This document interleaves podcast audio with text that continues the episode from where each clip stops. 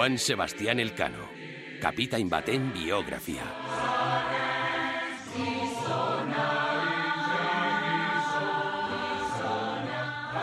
Hirugarren kapitulua. Brasilerako bidea.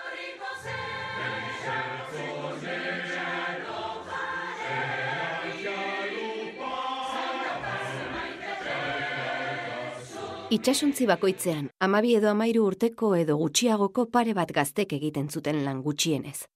Morroiak ziren, eta euskal kostaldean txo esaten zitzaien. Erlojuak zaintzen zituzten, ze ordu zen esaten zuten, eta otoitz egin edo abestu egiten zuten, zegokienean.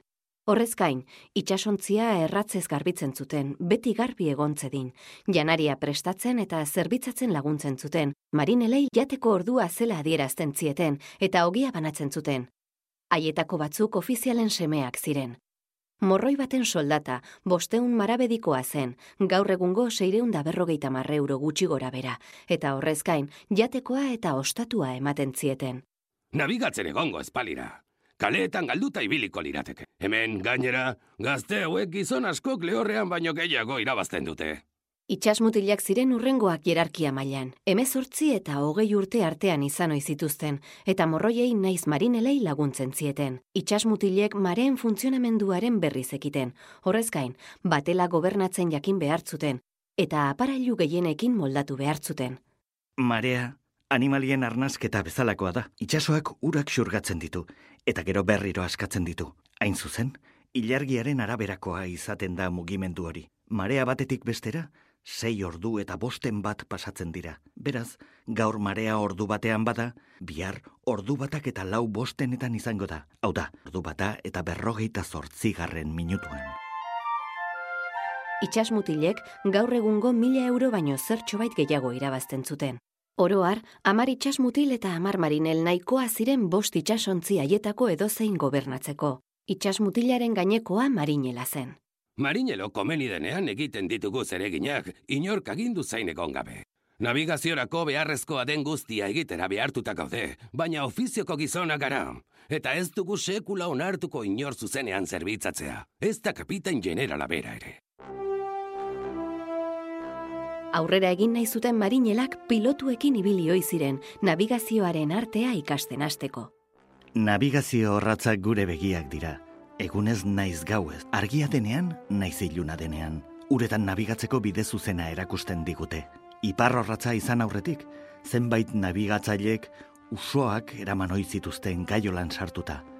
Eta galtzen zirenean, usoren bat askatzen zuten, bere egaldiarekin etxera itzultzeko bidea erakuts zezan. Jatekordua bereziki umoretsua izan ohi zen. Espainian! Ez ardona, ez ezkontza ona! Itxasora, ez da gazbila ere. Emagaldu baten maitasuna, fraide baten laguntasuna, eta ostalari baten gonbidapena. Dirua da dena. Gizon bakoitzari, litro bat ardo, iru kilo laurden bizkotxo, olio apur bat eta baratxuriren bat zegozkion eguneko. Oinarrizko platera, babak edo txitsirioak izan ohi zen. Eta horri laguntzeko, irugiar gazitua izaten zuten egun batzuetan. Eta arrainxikua besteetan, elizak agindutako errespetatzeko. Janari ondarrekin, pare bat oliori jaten ematen zieten. Morroiak arduratzen ziren olioak zaintzeaz. Olioen arrautzak luxu bat ziren. Inor gaixorik egonez gero, haientzat izaten ziren, eta bestela, kapiteinaren mahaian amaitzen zuten.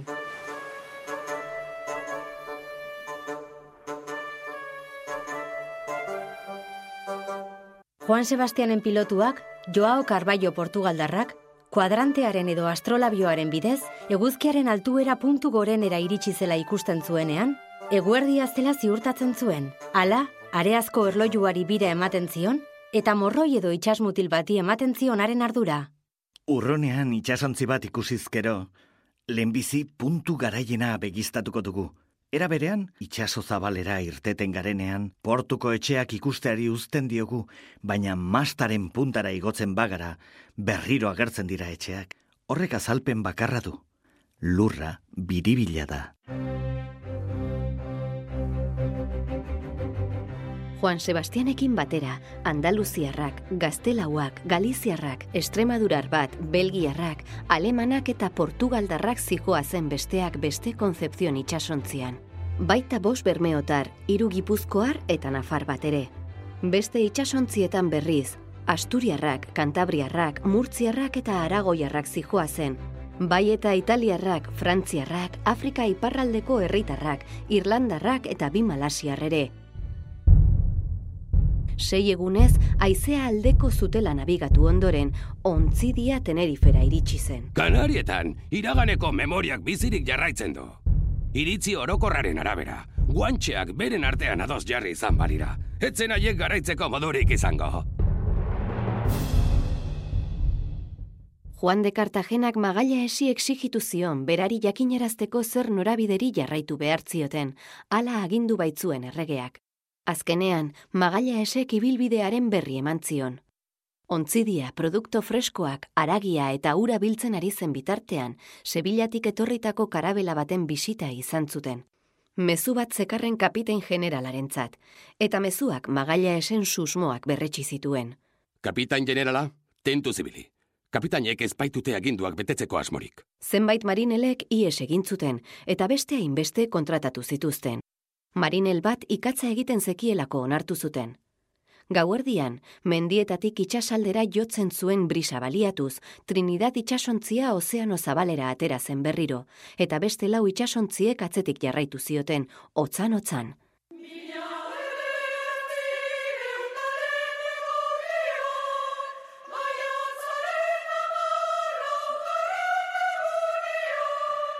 Gaueko lasaitasunean eta gogo aldartea sosegaturik, magaila esek zer egin behar zuen erabaki zuen. Indartsuak badaki zainekoten. Navigazioko urrengo asteetan, aldeko haizeak izan zituzten hainbat egunetan, baina baita eurite biziko eta kontrako haizeko egunak ere. Barealdi luzeak ere izan zituzten. Aizerik egiten ez zuenean, itxasontziak geldi geratzen ziren itxaslasterren mende. Marrazo saldoak atzetik jarraika zituztela ohartu ziren. Marinelek, erpuruaren lodierako amuak prestatzen zituzten. Arra eta erdiko luzera zutenak. Burdinazko katezati bati lotuak zeuden amuaiek, arrain edo irugiar zatiak jartzen zizkieten, eta popatik errestan eramaten zituzten.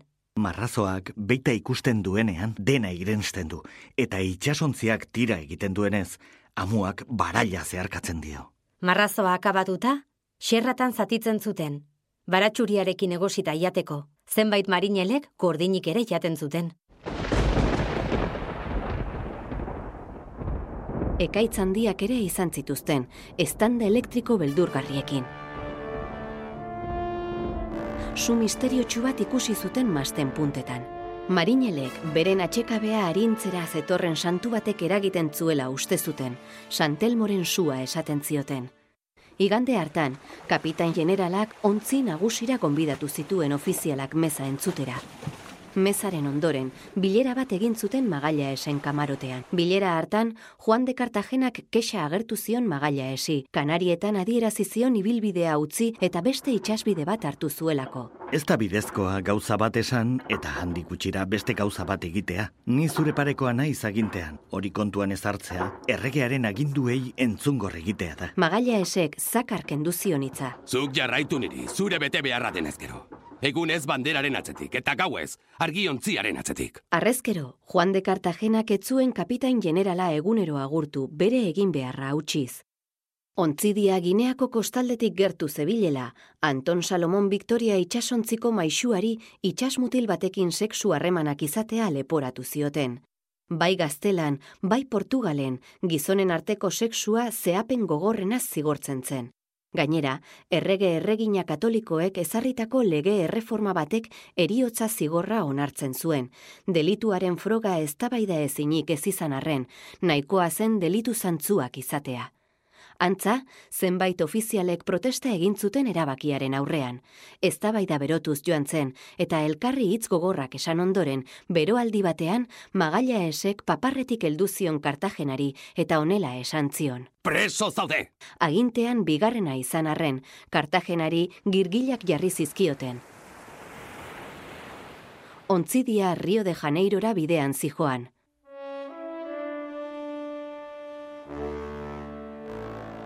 Carballo Rio de Janeiron bizi izan zen hainbat urtez, eta ezin hobeki ezagutzen zuen badia ura. Beraz, Konzepzion itxasontziak hartu zuen argiontzia eta ontzi diagidatu zuen. Abenduaren amairuan, ego hemisferioan uda aste hartzela, badia dotore batean sartu ziren. Zazpi urte lehenago, Karbaiok seme bat izan zuen bertako emakume batekin. Horregatik, semea aurkitu eta berekin eramateko asmoa zuen. Ikusiko duzue, alaiak eta alferrak dira, jatea, edatea eta dantzatzea dute ofizio. Ha, ta gerra egitea. Beren nazioari tupi esaten diote. Eta etxeei boi, etxola handi handiak dira, ezi gogorrekin babestuak. Bertan bizi diren guztiak nebarrebak bezalakoak dira, eta bata bestearen gatik bizia ematen dute. Aita eta ama berarenak izango balira bezala.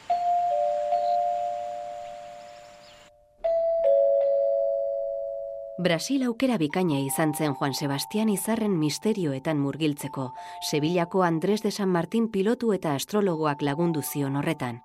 Zituen astronomia taula koñarri hartuta, San Martin gauaren iluntasunaz baliatzen zen astroen posizioa karakatzeko. Entzon, Juan Sebastian. Demagun eklipse bat ordu jakin batean ikusten dutela Jerusalemen, eta beste ordu batean Sevillan.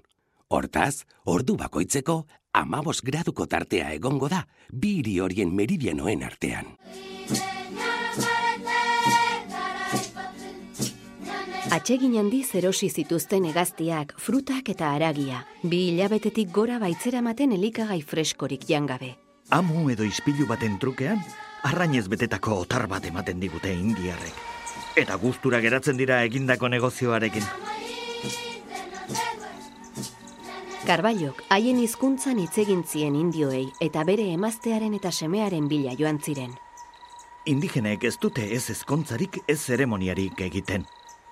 Ezkontzea gizona eta emakumea gela berean sartzea da, ez besterik.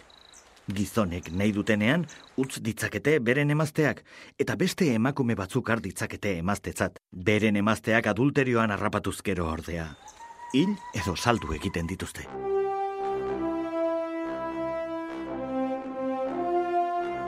Abenduaren hogeita batean aste artea, Anton Salomon Victoria itxasontziko maisua epaitu eta zigortu zuten homoseksualitateagatik. Ez dakigu nola gauzatu zen zigorra. Dena den, badakigu Espainian, zigorra bizirik erretzea zela. Eta haien ondasuna konfiskatzea, familiak galmenean utzita. Hala, Anton Salomon ontzidiko lehen hildakoa izan zen. Magaia esek barkatu egin zion maisuarekin batera ustez bekatu egin zuen mutikoari. Antonio Genovez zuen izena gazteak. Hala ere, gainerakoek ez zioten barkatu.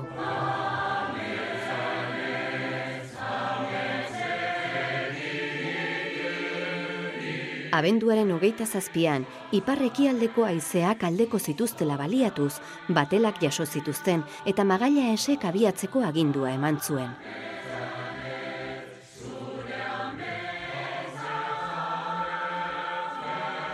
Bidearen zati batean bertako jendeak lagundu zien, festagiroan, beren danbor zakarrak, adarrak eta itxaskurkuluak jo zituzten.